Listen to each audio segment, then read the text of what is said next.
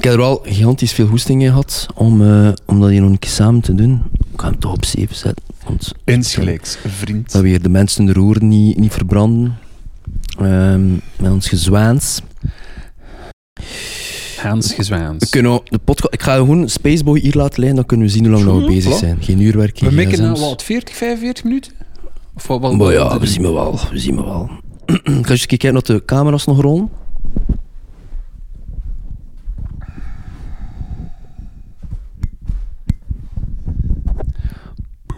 Ja, dat ziet er goed uit. Spannend. We gaan een klapje? Oh ja! Jee. Ben je klaar voor het klappie? Nice. Satisfying. Nice. Podcastje in de zetel, you en me, Nicolas. Dat is lang geleden, hè? Het idee is tot stand gekomen op een van onze vele broadtrips, roadtrips tezamen, waar dat wij op een trein zitten, bijvoorbeeld naar Hasselt onlangs. Ja. Twee uur heen, twee uur terug. En dan eh durven Nicolas en ik al een keer menig existentiële gesprekken hebben. We hadden zoiets van, hey, het is lang geleden dat we een keer een podcast in de zetel hebben opgenomen, zeker met die live podcasts en zo. Maar is dat wel, dat is gewoon zo gezellig. Just you and me. Een donderdag, kaarsje branden, taartje eten. Allee, Zet er u bij. Ah, voilà, het is dat. Het gemakske. Podcastje over slachtofferschap. Pittig onderwerp. Een onderwerp waar jij en ik ja, toch al een paar jaren heel veel over spreken. Individueel slachtofferschap. Eh, iets wat we veel zien in de maatschappij. Pittig onderwerp om, eh, om mijn gang te steken. En ter goeder gewoonte van wat wij vaak doen met onze podcasts, is het een keer niet slecht om, om na te denken over een definitie rond slachtofferschap, dat we on, on the same page zitten. En recent deelde ik een, eh, een reel van Gabor Maté op onze Instagram stories. Ik hoop dat ik het juist uitspreek. Maar pas op, die Amerikaan zijn dan Gabor Maté. Dan klinkt u het duidelijker. Maar Ja.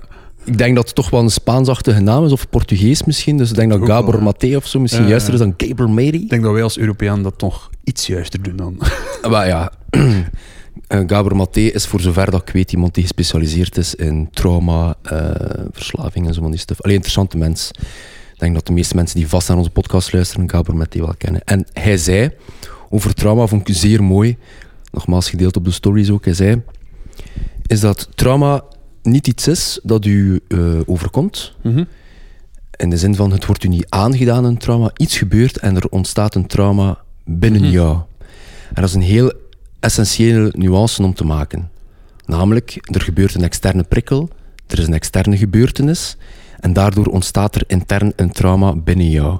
En de reden waarom dat ik persoonlijk denk dat dat belangrijk is om die, ehm, die, dat onderscheid te maken, is omdat als een trauma ontstaat binnen jou, wil dat zeggen dat er waarschijnlijk ook tools zijn en tips zijn om om te gaan met dat trauma. Want als het trauma jou wordt aangedaan, heb je geen controle daar niet meer over. Nee, Hoe klein of hoe groot dat dat trauma binnen perceptie ook is. En ik denk dat dat misschien wel de goede kick-off kan zijn om te spreken over slachtofferschap. Is dat het gaat hem niet om het daderschap, in de Mhm. zin van iets doet jou iets aan, iemand doet u iets aan, wat dat, dat dan ook mag zijn. Mhm. Het gaat hem eerder over het gevoel dat wij hebben, het gevoel van trauma dat wij ervaren rond dingen die andere mensen ons aandoen. Dus eigenlijk het gevolg van wat u wordt aangedaan. Op een bepaalde manier. ja, zeker. zeker. Want, zoals al zegt, hetgeen u wordt aangedaan, ja, één, je kiest er niet voor. Twee, dat is buiten uw controle. Dus op een manier zouden dat ook van u mogen afzetten en een beetje vrede meenemen. Ik weet dat dat een rare combo is, van vrede te nemen met het feit dat er u iets wordt aangedaan.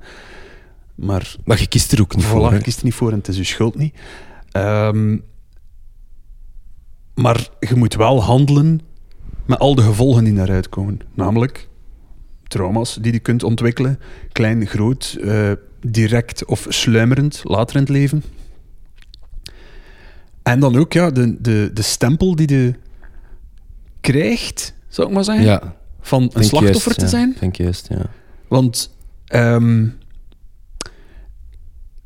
als er u iets overkomt waarin dat jij het slachtoffer bent, is dat iets die u overkomt. Maar jammer genoeg zeggen wij ook gewoon altijd van je zijt het slachtoffer van.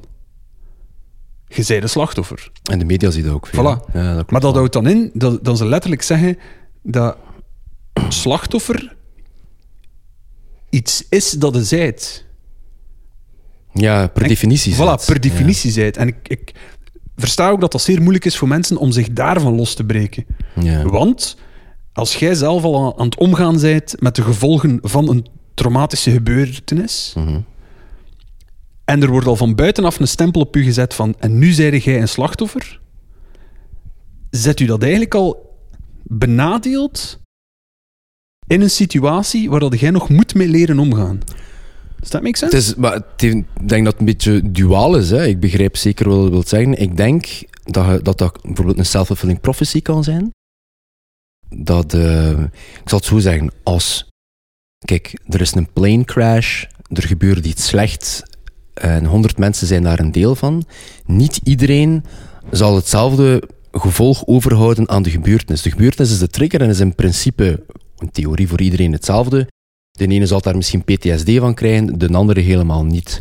En ik denk dat dat ook een belangrijke nuance is. En als wij dan zeggen, je bent per definitie slachtoffer van iets, is dat kan ofwel een, ehm, een self-fulfilling prophecy zijn, of dan denk ik aan Sam Carton, once again. Ehm, het zijn haar eigen woorden, ik wil dat voor haar niet invullen, maar bon, het zijn haar eigen woorden als ze zegt, ja, ik kan daar niet tegen als mensen mij, wat is een invalidenkaart geven? Of, of, ja, in de eh, tijd wou ze geen invalide kaart om te kunnen parkeren op een Ja, invalide het, parkeerplaats. Omdat Ja. ze ook zei van, ik vind dat persoonlijk niet nodig. Terwijl dat objectief gezien, denk je dat we allemaal, omdat het ook zeer op de surface ligt. Dat is natuurlijk het verschil tussen fysiek en mentaal. En als jij PTSD hebt, dat, dat leeft in u. En dat is soms heel moeilijk voor andere mensen om te empathiseren, want ze zien niks aan jou. Maar bij Sam Carton, je ziet het toch wel dat haar been geamputeerd is. En je kunt is, ze is een slachtoffer. Tegelijkertijd, als je dat in haar gezicht zou zijn, gaat ze daar niet mee gediend zijn. En ook dat is haar recht. En dat maakt het hele gesprek rond, rond slachtofferschap bijzonder complex en moeilijk. Ja, zeker voor ons om een podcast te, rond te maken. We gaan as always ook de lading daar weer niet in dekken. Maar we mogen het er toch niet voor laten, want anders blijft het onbespreekbaar. en dan eh, zijn we niet true to our name.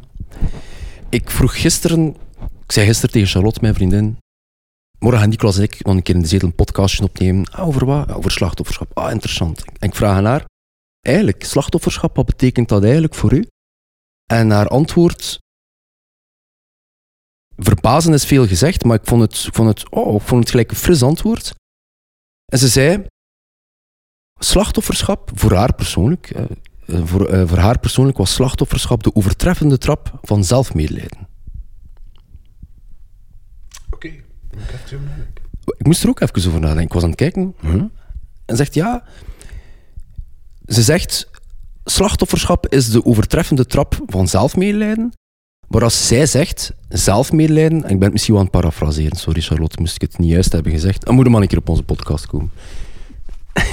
en ze zei: Ja, zelfmedelijden is niet per se altijd slecht. Ik, vond dat ook goede informatie, ik kon mij daar ook wel in vinden. Ze zei: Zelfmedelijden is niet altijd slecht.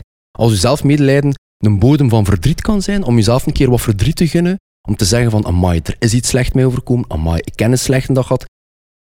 Gelijk dat wij ook zeggen, je kunt je wonden niet helen als je ze niet eerst erkent. En daar kan zelfmedelijden wel een beetje de bodem van zijn. Maar dat zelfmedelijden, dat, dat moet, ik denk dat dat soms ook een beetje een, een, een, een bepaalde tijdslijn mag hebben. In de zin van, dit is nu mijn zelfmedelijden en ik gun mezelf het verdriet, maar dan gaan we daar verder nu aan de, mee aan de slag. Terwijl als je het verschil maakt bij slachtofferschap, is dat slachtofferschap in een bepaalde zin overtreffend is op zelfmedelijden, omdat het daar ja, aan een plafond komt. En dat plafond heb je eigenlijk op een zekere zin ja, jezelf opgelegd om, om daar door te kunnen groeien. En ik vond dat wel een hele schone. Ik ben het nu ben met zekerheid aan het parafraseren, by the way. Maar ik begrijp wel wat dat ze naartoe gaat. Dus dat zelfmedelijden is oké. ik ken een slechte dag gehad, ik voel me mottig vandaag. Maar dat slachtofferschap, ehm, zeker als het dan die een self-fulfilling prophecy is, dat het daar jezelf toch een beetje limiteert om, om te ontwikkelen. En dat is toch waar dat we, los van wie dat is, zijt, toch nog altijd zouden moeten proberen. Maar ja, liefst. liefst Ja, dat denk ik ook want, wel. want anders is het iets eindig. Hè. Dan, dan kan er niet veel ehm, uit groeien of uit vloeien. Kan mij daar wel in vinden, wat Charlotte daar dan zegt. Omdat ik vind in principe ook niks verkeerd aan ehm, doorheen momenten van zelfmedelijden te moeten gaan. Soms moet je echt ook een keer zwaar naar de kloten zijn en je echt super rot voelen om, om je eigen keer tegen te komen. Om, om, om echt, ehm like dan ze zeggen, rock bottom, hè, aan, aan het absolute dieptepunt te zitten van uw leven, uw moment, wat dat er dan ook mag gebeurd zijn. Om dan te zeggen van, oké, maar deze wil ik niet meer. Ehm, of dit kan toch niet meer. En dan, of dat dat dan is om terug hoop te krijgen, of dat dat dan is, je wordt kwaad en je gebruikt die energie om daaruit te geraken. Ik vind daar niets verkeerd aan. In haarzelfde... Allee, als ik haar probeer te volgen dat dan de overtreffende trap dat slachtofferschap zou zijn, kan ze daar wel in volgen, want ik vind gevaar aan, sl- aan slachtofferschap dat dat iets is wat dat je bijvoorbeeld niet bij zelfmedelijden hebt. Slachtofferschap kun je gemakkelijk in nestelen. Als in, ja, de dist dan. En, en zelfmedelijden kan zijn rond een bepaald iets. Maar dat, gel- geloof ik dan ook, eindigt dan meestal bij hetgeen waarom dat je even medelijden hebt. Als in van, "Ha, ik heb toch nooit geen chance op het werk. Of je bent bijvoorbeeld gedumpt door lief van, allee, waarom moet mij dan weer overkomen? En je zit even in die vibe van zelfmedelijden aan het gaan, is geen probleem. Maar slachtofferschap vind ik dan bijvoorbeeld hetgene van, plotseling zijn een slachtoffer van alles. Ja, snap ik. Ja. En daar u in nestelen is iets zeer gevaarlijk. Want dan denk ik, dan zet u dan terug ook open voor het eerstvolgende dat verkeerd zou kunnen gaan. Te zeggen van, ah ja, het zal alweer verkeerd gaan bij mij. Terwijl het misschien zelfs nog niet gebeurd is. Omdat jij zodanig genesteld bent in, ja, maar dan ben ik maar het slachtoffer. Hmm. Ik, eh, ik herken een stukje van mezelf in wat je daar zegt over het nestelen in slachtofferschap. Zeker als onderscheiding naar zelfmedelijden dan. Ik herken dat zelfmedelijden heel vaak in mezelf. Ik zie mezelf wel echt als een trooper in de zekere zin. Een, een- een- ik zie onszelf eigenlijk alle twee als, als ehm, ja, desondanks dingen die gebeuren, dat we altijd maar doorzetten. Maar toch van tijd tot tijd ervaar ik wel wat zelfmedelijden. Afgelopen zondag nog, toen ik hier aan de borduurmachine stond en dat er wat stukken kapot ging, stond ik op de grond op mijn knieën aan het janken. Zo, oh, why me? Dat hoort er ook wel een beetje bij. En ik gun mijn eigen dat ook. En omdat ik het mijn eigen ook gun, ik denk dat we ook niet mogen vergeten met onze emoties. Ik denk dat het ons meer energie kost om negatieve emoties te onderdrukken dan ze toe te laten. Denk aan kwaadheid. Absoluut. Bijvoorbeeld, als je denkt aan kwaadheid, als jij je kwaadheid constant onderdrukt, dat kost je energie. Dat is de vergelijking van die overal, van die een strandbal of die een opgeblazen bal die onder het water duwt. Dat kost energie, maar de bal verdwijnt niet. En als we onszelf kunnen toelaten to feel all those feels, maar dan kunnen zijn van, kijk, like dat Charlotte zegt, dat zelfmedelijden als een bodem gebruiken voor ons verdriet, om te kijken van, kijk, we zijn verdrietig. Wat zijn die monden? Wat zijn die blauwe plekken? Wat zijn die kwetsuren, gelijk dat Nina Mouton zegt? Dan kunnen we daar wel mee aan de slag gaan. En ik denk dat, dat we daarom best kijken naar onze emoties van, oké, we laten ze toe, we elimineren ze niet, maar wat kunnen we ermee gaan doen? Ik denk persoonlijk, situaties waarin dat ik zelfmedelijden ervaar, ehm, ik heb dat zowel zeker één keer in de week als ik een slechte dag heb. En ik denk persoonlijk, bij, bij slachtofferschap, als je daarin nestelt, dat is ook een manier om verantwoordelijkheid te ontwijken. Zeer zeker. Dat is misschien een beetje een mottige dat ik het zo zeg, maar als je een slachtoffer bent van iets, dan zijn je per definitie niet verantwoordelijk voor het daderschap dat je in dat slachtofferschap heeft gestoken. Dat klinkt heel abstract, maar in een, concreet voorbeeld, wat dan de grens is tussen zelfmedelijden en eh, slachtofferschap natuurlijk. Ik, ik leef op een vrij... Ik, ik eet clean, ik eet gezond, ik sport goed. Maar op een dag dat ik net misschien iets meer mijn gezond eten nodig heb, omdat ik een slechte dag heb gehad, ga ik s'avonds toch voor de zetel een pak koeken opentrekken en heel dat koeken binnenspelen. En zeggen van tegen mezelf, ik heb zelf medelijden, ik verdien het om dat pak koeken hier binnen te spelen, want ik heb een mottige dag gehad en ik ben slachtoffer van mijn dag. Dus ik ben niet verantwoordelijk voor de keuze die ik neem om deze pak koeken op te eten. Dat is misschien een heel banaal voorbeeld, maar je kunt dat eigenlijk ook naar andere dingen terugtrekken. Ik heb vroeger nog, ja, het is weer een cliché, maar toxische relaties gehad eh, met een ex-partner, maar eigenlijk even goed binnen vriendschappen, waarin dat ik zodanig empathisch was naar de andere partij, hun noden, om te zeggen van, ah, maar ja, je hebt dit meegemaakt in je jeugd, of je hebt een slechte week gehad, of dit of dat. En dat ik mijn empathie voor de anderen mijn zelfwaarde liet overstijgen. En dat ik snapte van hun slachtofferschap.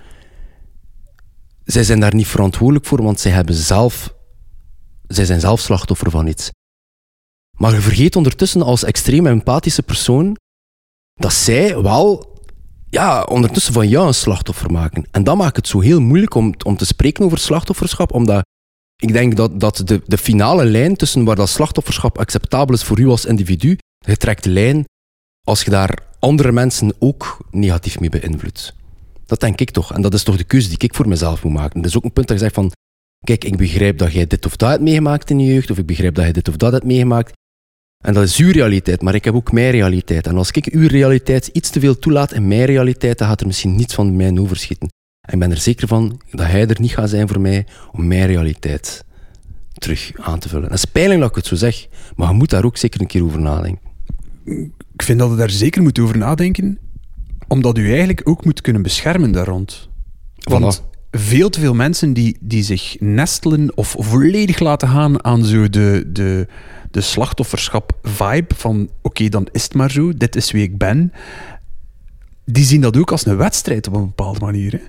Dat is misschien cru dat ik dat zeg, maar, maar eender wat dat u overkomen is, en of dat dan nu hetzelfde is als de persoon waar dat het tegenover zit, of volledig iets anders, dan nog dat is geen competitie, hè? dat is geen wedstrijd. Je kunt niet gaan zeggen van, ja maar wat mij overkomen is, is erger dan u.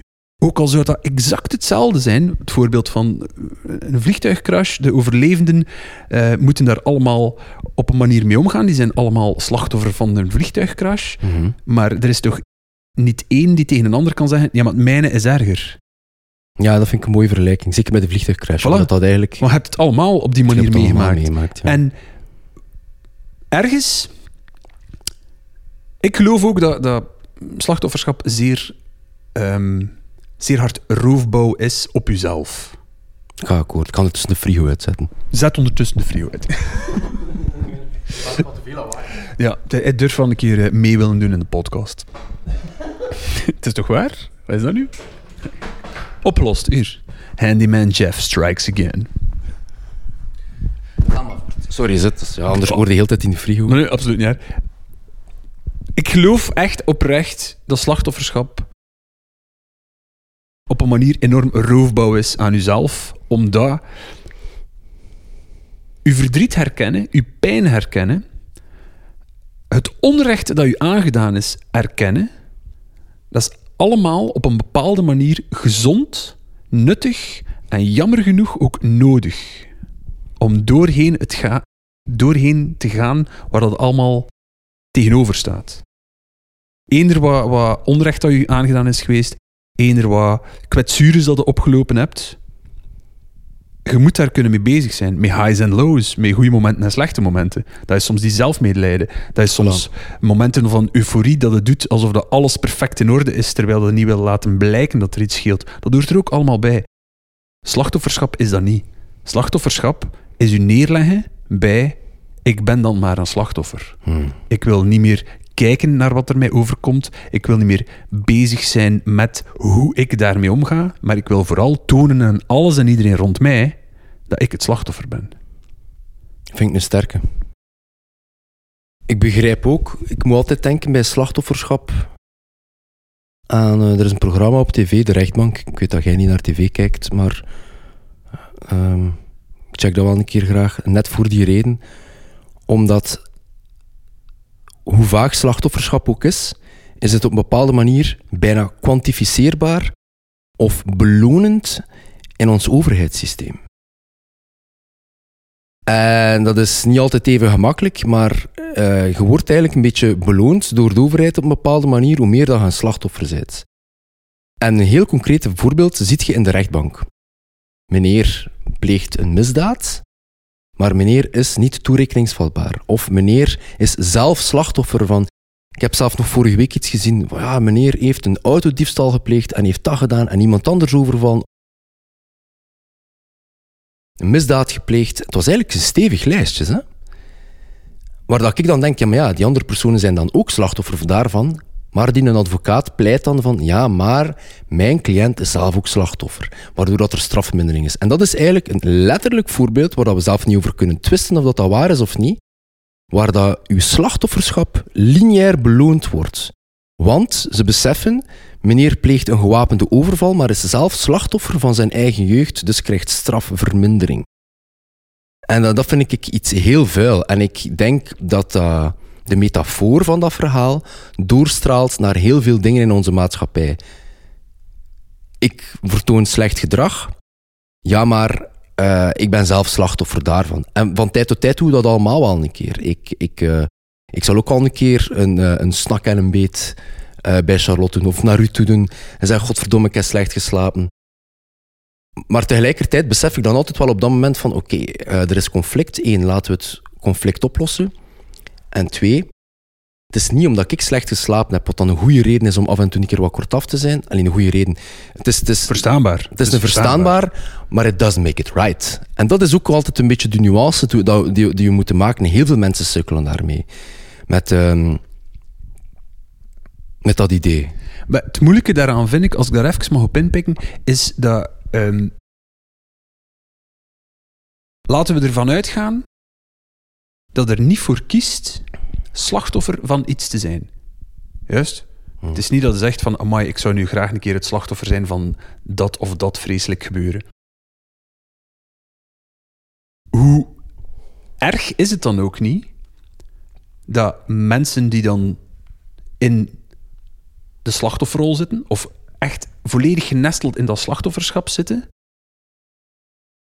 anderen iets zouden kunnen willen aandoen om ze dan ook een slachtoffer te maken. Ja.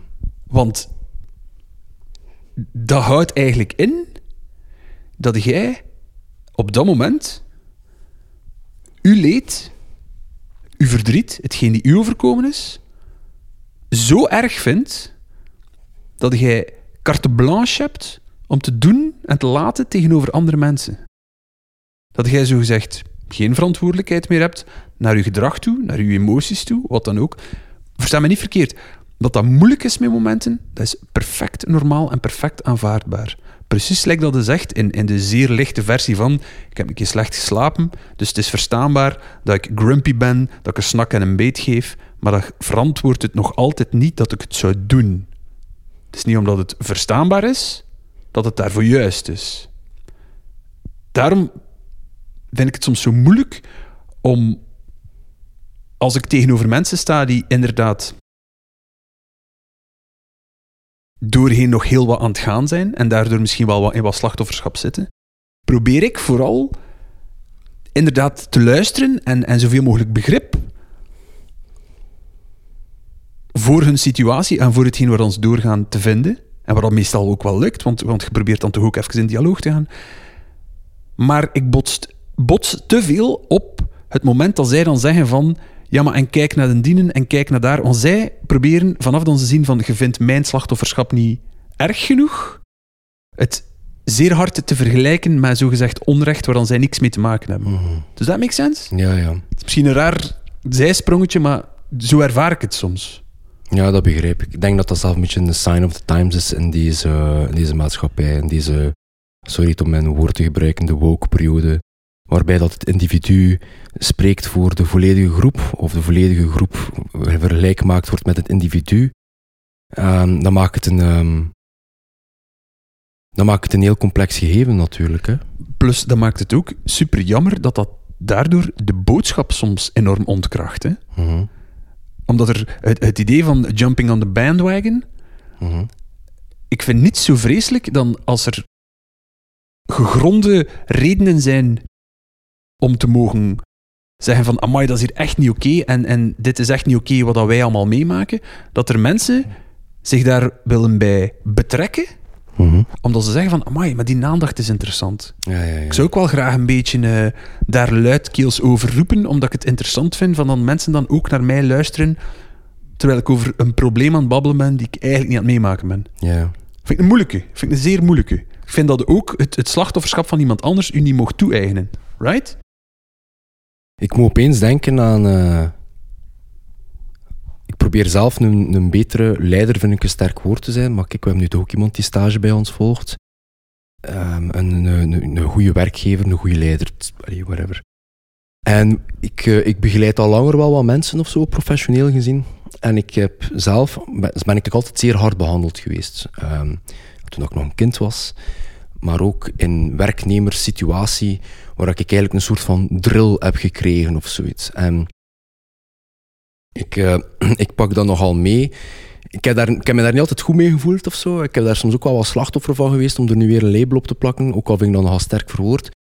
En I, I did not pass the buck. In de zin van, ik heb dan iemand anders en iemand op de payroll en die moet ook een drilling krijgen. En die moet ook... En hoe meer dat ik daarover reflecteer en hoe meer dat ik zelf maturiseer over de jaren, dan denk ik, ja, maar ja, het is niet omdat, omdat ik nog in die situatie heb gezeten dat dat de schuld is van elk persoon die nog moet komen. Net zoals dat we zeggen in onze podcast over people pleasing, over perfectionisme, is dat de copingmechanismen die wij zelf hebben rond people pleasing of slachtofferschap, dat is niet schuld van de persoon die nog moet komen in ons leven, maar heel vaak dragen zij dat nog mee. En opvoeding juist hetzelfde. Ik zou kunnen kiezen om mijn kind op te voeden zoals ik een opvoeding heb gehad. Uh, en, en veel mensen zouden kunnen zeggen van, ik snap dat wel, maar niemand heeft daar eigenlijk iets aan. Ik niet, dat kind eigenlijk niet. En dat is het vaak. Hè. ik, als ik denk aan u, Niklas, ik kan dat voor u niet invullen, maar als ik de 360 graden van uw leven ken en leer kennen, dan denk ik vaak, en het spijt me dat ik dat nu zo live aan de podcast zeg, dan denk ik van, er is veel reden voor u om een, een, een, een, dat er een monster in u zou kunnen naar buiten komen. En, en ik denk dat moesten veel mensen en die geschiedenis weten en kijken naar u en zeggen van, maar ja, ik begrijp dat wel. Maar it's not really the point. En dat is wat we soms wel vergeten, is dat als jij een, eh, slachtoffer bent van iets, en er gebeurt iets met u, en jij zegt, ja, maar ja, ik gedraag mij zo omdat ik een slachtoffer ben, dat er heel veel mensen zouden kunnen zijn, begrijpen dat u zelf niet ontwikkelt, begrijpen dat u zo in die positie zit. Heel veel mensen gaan u daar zelf in bevestigen, ook omdat ze wat conflictvermijdend zijn. Maar als het puntje bij paaltje komt, it doesn't serve you. Want net zoals Charlotte zegt, komt aan dat plafond en je stopt met jezelf te ontwikkelen. En dat is het spijtige. Ik denk persoonlijk, bij slachtofferschap, is dat we heel hard op zoek moeten gaan naar een soort van balans. Mhm. Dat is altijd wel zo natuurlijk. En ik denk bij balans is dat we bij ons moeten focussen op niet op wat je niet kunt doen, omdat je een slachtoffer bent, maar dat je je focust op wat je wel kunt doen, desondanks dat je een slachtoffer bent. En ik heb daar een heel specifiek voorbeeld bij. Als je uh, kinderen hebt, of, of later kinderen hebt, uh, en, en je kind is ziek. Dag 1. Mama, ik ben ziek. Ah ja, oké. Uh, vandaag gaat hij niet naar school. Whatever dat de ziekte ook is, by the way. Hè. En dan is er dag 2. Mama, ik ben nog altijd ziek. Zegt, ja, oké. Ook vandaag niet naar school. Ga je diezelfde keuze maken de dag nadien? De dag daarna?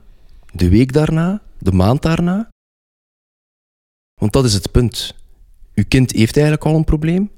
Laten we daar niet dwaas over doen. Uw kind heeft eigenlijk al een bepaalde vorm van slachtofferschap, heeft een bepaalde ziekte. En wat dat die ziekte ook is, klinkt misschien een beetje een veralgemening, maar wat dat die ziekte ook is, het kind is slachtoffer van die ziekte. Je wilt als ouder eigenlijk niet toestaan dat er nog een extra ziekte bij komt, of een extra probleem, of een extra slachtofferschap, namelijk sociale distanciering van klasgenootjes.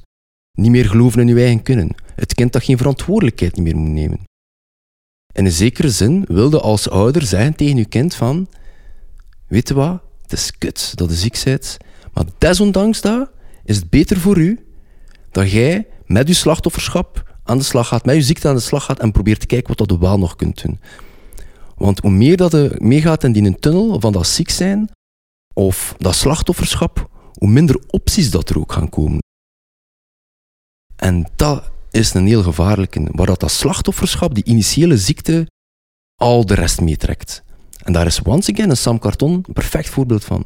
Sam Carton zou aan heel de media kunnen vertellen, aan iedereen, aan ons kunnen vertellen, dat ze niks meer probeert te doen met haar leven, omdat ze een zware jeugd heeft gehad, en omdat ze CRPS heeft, en omdat ze heeft gekozen voor een amputatie. En heel de wereld zou kunnen zeggen van, amai, inderdaad Sam Carton, je bent een slachtoffer.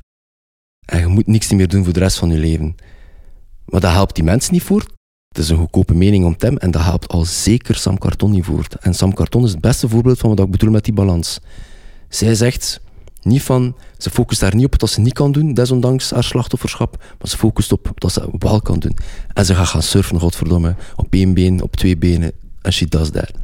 Wat dat vooral ook is, dat zou een gigantisch verlies zijn van potentieel. Moest zij er op dat moment er ook gewoon bij neergelegd hebben, is er zoveel potentieel die nog in haar zat, die nooit niemand ging ervaren hebben. Voilà. Ik ga misschien een keer een rare anekdote ertussen smijten. Hè.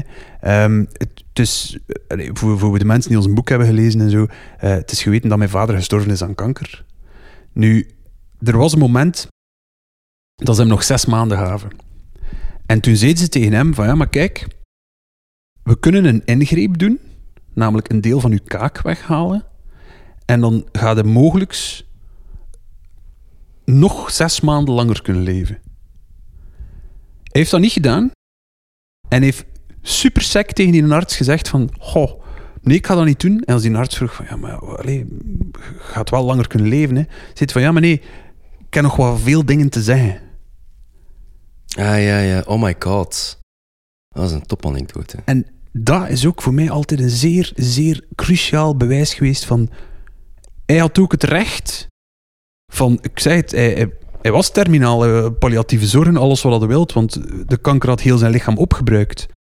En hij had het recht van te zeggen, ik ben het slachtoffer hiervan. Dit is het, dat is het einde van mijn verhaal. Zeker. Maar dat potentieel die er nog in zat, om de verhalen te vertellen die hij nog wou vertellen, om de dingen te zeggen die hij nog kon zeggen, gingen hem ontnomen worden door bijvoorbeeld die ingreep te doen.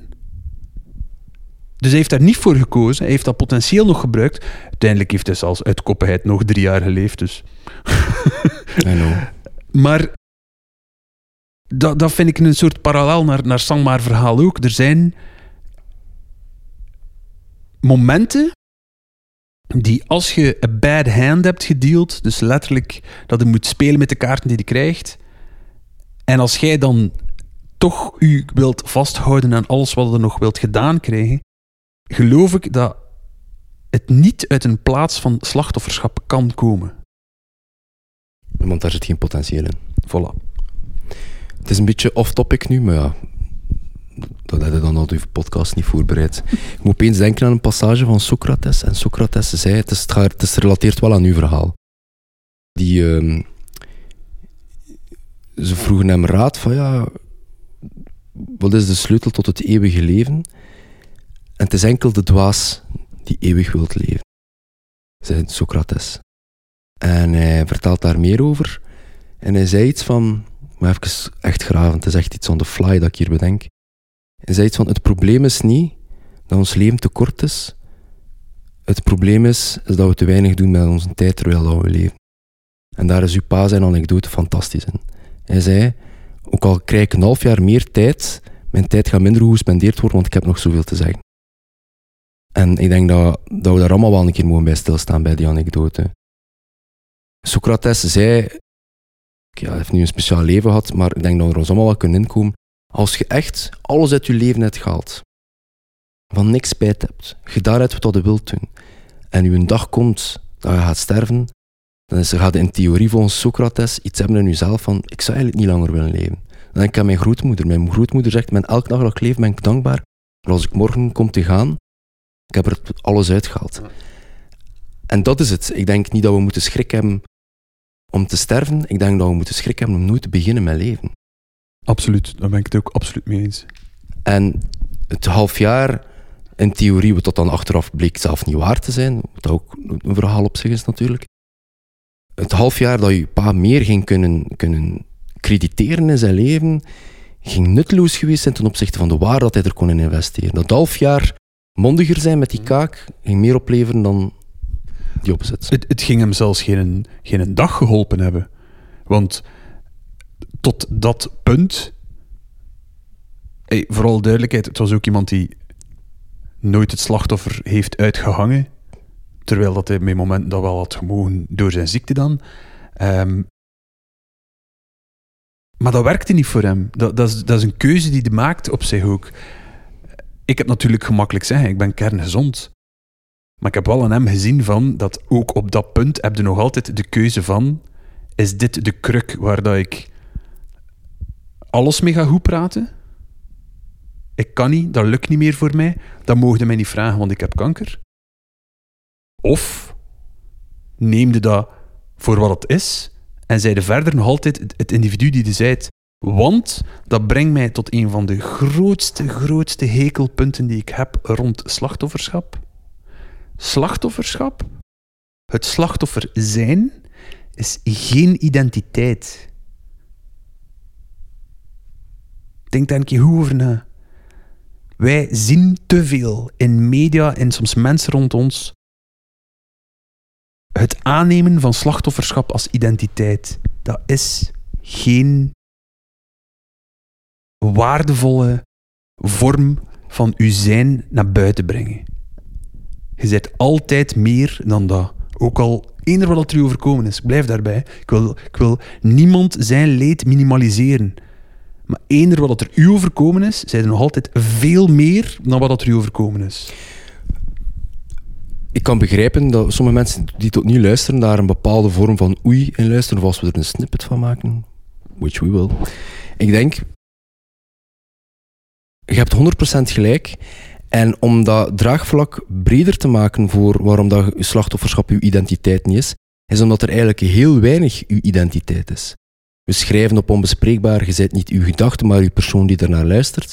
Ik zou daar mijn zin mee kunnen eindigen en de case is closed, maar we kunnen verder gaan. Je zijt niet uw slachtofferschap, maar je zijt ook niet uw overwinningen. Je zijt niet uw failures, maar je zijt ook niet uw succes. Dat zijn gebeurtenissen die deel uitmaken van je leven, maar niet volledig je leven tonen. Dat is niet all of who you are.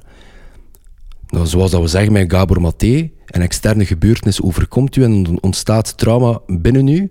Dat trauma dat kan komen, dat trauma dat kan gaan. Slachtofferschap kan komen, dat kan gaan. Dat is niet all of who you are. En de media speelt daarop in, slachtoffers van, een titel op, op HLN of zo. En ik begrijp that's how the game is played. Maar we moeten gewoon begrijpen, is dat wij, is dat wij als mens, als individu gigantisch complex zijn. En wij, wij mogen dat ook zijn. Um, je kunt op die manier niet bij de pakken blijven zitten. Ik denk aan een, um, een concept ik, moet dat, ik had er misschien wel langer op moeten schikken, maar kijk, dan, dan schikken we er nu samen met ons twee op. Here we go. Beetje, beetje eh, mijn, mijn live gedachten even de, de, de loop laten gaan. Ik keer terug op wat ik zei. Dat um, het omgekeerde van slachtofferschap verantwoordelijkheid is. Het omgekeerde wil ik niet zeggen, maar dat er toch een, een, een, een soort van opposite in ligt. Je bent slachtoffer, dus je bent niet verantwoordelijk voor het daderschap. Ik denk, stel je nu voor dat we mensen een, dilemma geven, een filosofisch dilemma, dat is waar ik veel in zit de laatste tijd. En je zegt eigenlijk tegen mensen van, kijk, um,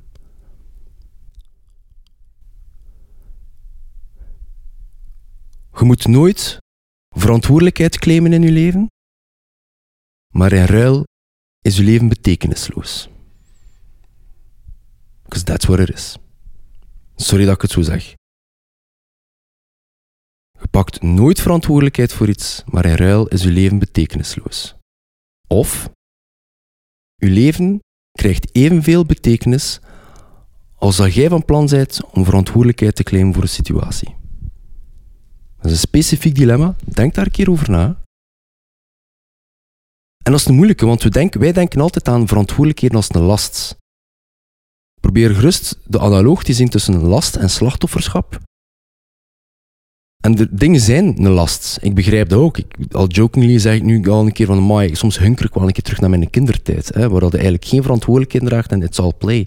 En nu zijn de volwassen en je krijgt een bepaalde vorm van vrijheid in je volwassenheid. Maar vrijheid komt ook met verantwoordelijkheid. Er is niet zoiets als absolute vrijheid. Onmogelijk. Absolute vrijheid is, is letterlijk a figment of your imagination. Ik geloof niet dat vrijheid bestaat. Dat is de, de, de famous parabel van filosofen. Laten we een spelletje spelen. De andere persoon zegt, oké, ik zeg nu tegen u, jij eerst. En de andere persoon zegt, uh, hoe dat? Ik zeg, ah ja, voilà. Dat is de parabel over vrijheid. Dat spelletje spelen met twee personen. Van jij eerst, ja, wat nu?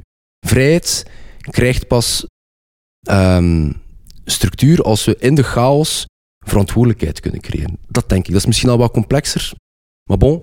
Maar nee, je moet het kunnen invullen. Hè? Ik snap- ja, nee, je moet het een beetje kunnen invullen. En ik denk ook, we voelen dat ook. Ik denk dat, dat er is geen amount of money in de wereld eh, die ons het gevoel kan kopen van, van de vruchten die verantwoordelijkheid met zich meebrengt. Denk maar aan wanneer dat hij beslist om de marathon te lopen. Denk maar aan wanneer dat hij beslist om de verantwoordelijkheid te dragen van een kind op te voeden. Wanneer dat hij beslist om de verantwoordelijkheid te dragen van een nieuwe job aan te gaan. Van moeilijke keuzes te maken. Hè? Moeilijke keuzes, gemakkelijk leven. Gemakkelijke keuzes, moeilijk leven. Ook daar is daar weer een concreet voorbeeld van. En we voelen dat ook. Is dan een keer dat hoe dichter dat we bij ons doel aankomen, hoe meer dat we voelen van oh my god, dat is meer aan het vervullen. Een marathon lopen, je kunt daar niet voor betalen. Je kunt niet miljardair zijn en een miljard leggen om een marathon te lopen. Het is nogthans gratis in een certain sense. En dat gevoel dat we daar krijgen, is zoveel waard. En dat bedoel ik met... Hè, nogmaals, ik ga het nog één keer herhalen. Of je moet geen enkele verantwoordelijkheid dragen in je leven. En in ruil is je leven betekenisloos. Of je leven heeft evenveel betekenis als dat jij beslist om verantwoordelijkheid in je eigen leven te injecteren. En het zijn maar twee keuzes dat je kunt doen. En vanaf het moment dat we daarmee verder gaan, that's the game. Ik ga daar zelf ook nog wat verder moeten over nadenken. Ik vind het een, eh, een heftig punt, maar ik sta er wel achter. Dat, dat is zeker ook een die ik nog een keer ga meenemen om verder over na te denken. Want ik geloof wel dat eigenlijk bijna iedereen wel graag een klein beetje meer verantwoordelijkheid zou willen. Maar het niet altijd durft nemen. Of betekenis zou willen. Zeker, absoluut. Want anders is het ook maar een leeg bestaan. Hè. En dat, ja. Dat is een beetje de paradox waar we ook in leven. Iedereen spreekt over ik wil een betekenisvol be- bestaan. En dan zie je soms diezelfde mensen zich gigantisch hard nestelen in slachtofferschap. Ja, mijn leven heeft geen betekenis en ik zou graag een betekenisvol leven en ik ga, ik ga yoga gaan doen en mindfulness en al die stuff. En ondertussen ziet u zelf zoals een slachtoffer, maar het zijn, het zijn opposites. Ze gaan nooit voor uzelf werken. Als ik, ik weet niet of we het gaan afsluiten, maar ik wil wel één iets zeker nog zeggen waar ik nu moet aan denken. Ik heb het de laatste tijd ook echt wel weer wat moeilijker met bepaalde zaken. Ehm, wij spreken niet zo vaak over onbespreekbaar, over bijvoorbeeld het financieel luik, terwijl dan niet altijd even gemakkelijk is. Ik speel niet graag de victim card. Het is niet, het is niet mijn stuff. Ik doe dat naar Nicolas niet, ik zal het hem al een keer zeggen. Ik doe dat ook naar mijn vriendin niet, ik doe dat naar mijn moeder niet. Pas op. Als er nu al iemand een sprankje tegen zal zeggen, dan zal het mijn moeder zijn. Maar ook daar is, is soms denk ik van, oké, er overkomt mij kommer en kwel. Financiële probleem, dat is het vooral. Het is niet gemakkelijk om dat hier gaande en staande te houden. Maar dan denk ik van, wij zouden ook met een bespreekbaar perfecte victim card kunnen trekken en dat wij niet gesubsidieerd worden. En dat het moeilijk is om dat te doen en dat dit en dat dat is. Maar dat gaat me echt geen meter verder brengen. Dat gaat Nicolas geen meter verder brengen. Dat gaat jullie geen meter verder brengen. Misschien dat ik een pity party kan houden en wat donaties van jullie proberen krijgen of zo. Dat is ook één keer. Dat is één keer dat jullie dat allemaal zouden trekken. Iedereen die luistert zou een keer zeggen, we gaan die gast een keer vijf of tien euro storten. Maar dat is één keer een grote vis dat we krijgen. We gaan nog altijd niet hebben leren vissen. En dat is mijn game, hoe dat ik omga met mijn eigen slachtofferschap en mijn eigen zelfmedelijden. Dus dat ik zeg van, holy shit, ik herken mijn wonden, ik herken mijn kwetsuren en mijn blauwe plekken, maar nu is het moment om er iets mee te doen. En daardoor geef ik er niet altijd te veel aandacht aan, spreek ik er ook niet te veel over, nog met Nicolas, nog met Charlotte nogmaals, omdat ik denk van, hoe meer focus dat ik het geef, hoe groter dat ik, dat ik het ook maak. Terwijl ik het eigenlijk net niet groter wil maken, dat ik net constructief mee wil aan de slag gaan. Het obstakel is de weg. We spreken weer over de rugzak. We spreken weer over welke tools kan ik halen uit dit obstakel. Toen ik hier stond, zondag stond te blijten, ik heb die een dag een pak koeken gaan halen in de Deleize en een pak koeken opgeten. Maar de dag nadien, I got my shit together, ben opgestaan en dacht van, alright, welke verantwoordelijkheid ga ik op mij nemen om betekenis te geven aan deze situatie in plaats van mij weg te steken achter mijn slachtofferschap en in ruil daarvoor geen blame te moeten pakken voor de situatie. En ik zou nooit kunnen staan waar ik nu sta, of staan waar ik hopelijk binnen tien jaar sta, als ik het op een andere manier had gedaan. Denk daar voor jezelf een keer over na. Ik probeer niemand aan te vallen. Probeer toch voor jezelf een keer te reflecteren. Brengt mijn slachtofferschap mij bij zingeving? Of zet ik eerder tegen een plafond waar dat niet bij gaan? Want ook al krijg je de medelijden van mensen voor je slachtofferschap, daar gaat een rotatie in komen. Er gaan mensen die het beu zijn om naar uw slachtofferschap te luisteren. Spijt me dat ik het u zeg.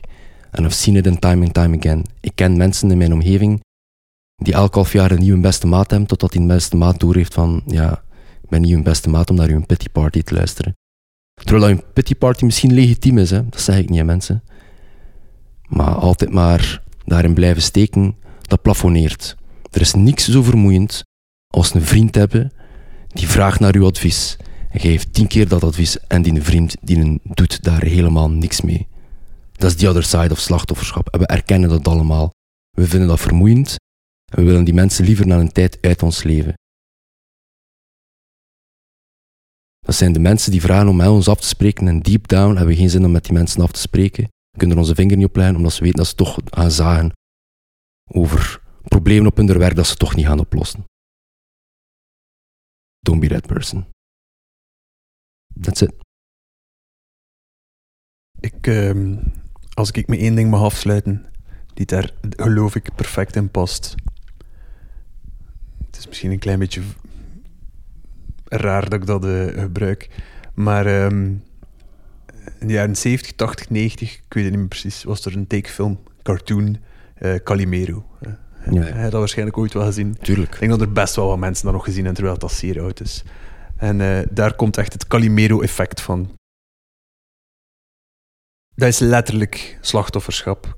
Calimero was een, een, een klein zwart kuiken, ehm, omringd door vriendjes, die ook eenden of kippen waren en dergelijke. Ik ben groot en hij is klein en dat is niet eerlijk. Exact. Dat Ja, was zijn slagzin, dat Ja. hij altijd zei. En elke aflevering gebeurde, en nu komt het, er hem niet echt iets. Want zijn twee beste vriendjes waren een eh, vrouwelijk eendje. Ehm, Dat zit ver bij mij. eh, maar ik weet niet, I'm older, it helps. Dus een vrouwelijk eendje en een, eh, een groene kleine gans met een brilletje. En meestal ging het verhaal telkens over een van de vriendjes of de familie wat dat er gebeurde en hoe zij met iets omgingen. En elke keer plaatste Calimero zich in die situatie en sloeg Calimero erin om ook iets te overkomen waarin dat hij dan zei: Ja, maar ja, dat is niet eerlijk, want zij zijn groot en ik ben klein. En daardoor was dat altijd de reden om hij te mogen klagen over dat hij het altijd moeilijker had. Je moet maar een keer, eh, als je een keer op YouTube wil gaan, een paar afleveringen zien. Het is, het is super gedateerd, maar wel nog super relevant, raar genoeg. En een van de dingen die mij altijd bijgebleven is, is dat er een aflevering is waar dat, dat kleine gansje, klein groen gansje, eh, die een brilletje had, ehm, in een gesprek is met Calimero, omdat dat eh, gansje zijn, door als ze aan het spelen zijn, valt, de bril breekt en er is zo één glas uit. Ken het? En hij zet het weer op. En Calimero heeft zoiets van, ja, maar ja, wa- wa- waarom heb je eigenlijk die een bril? En dat gansje zegt van, ja, omdat ik geboren ben en niet zo goed zie. Waarop dat Calimero, Calimero zegt van, ja, maar dat is helemaal niet eerlijk. En dat gansje, ja, tuurlijk is dat niet eerlijk, maar ik heb er daar toch een bril voor genomen. Ik weet dat dat onnozel klinkt, hè, maar daar zit zoveel waarheid in. Want sommige dingen zijn inderdaad niet eerlijk. Absoluut niet. Voor jullie niet, voor hem niet, voor mij niet, voor Calimero zijn vriendje ook niet. Maar het is hoe dat ermee omgaat.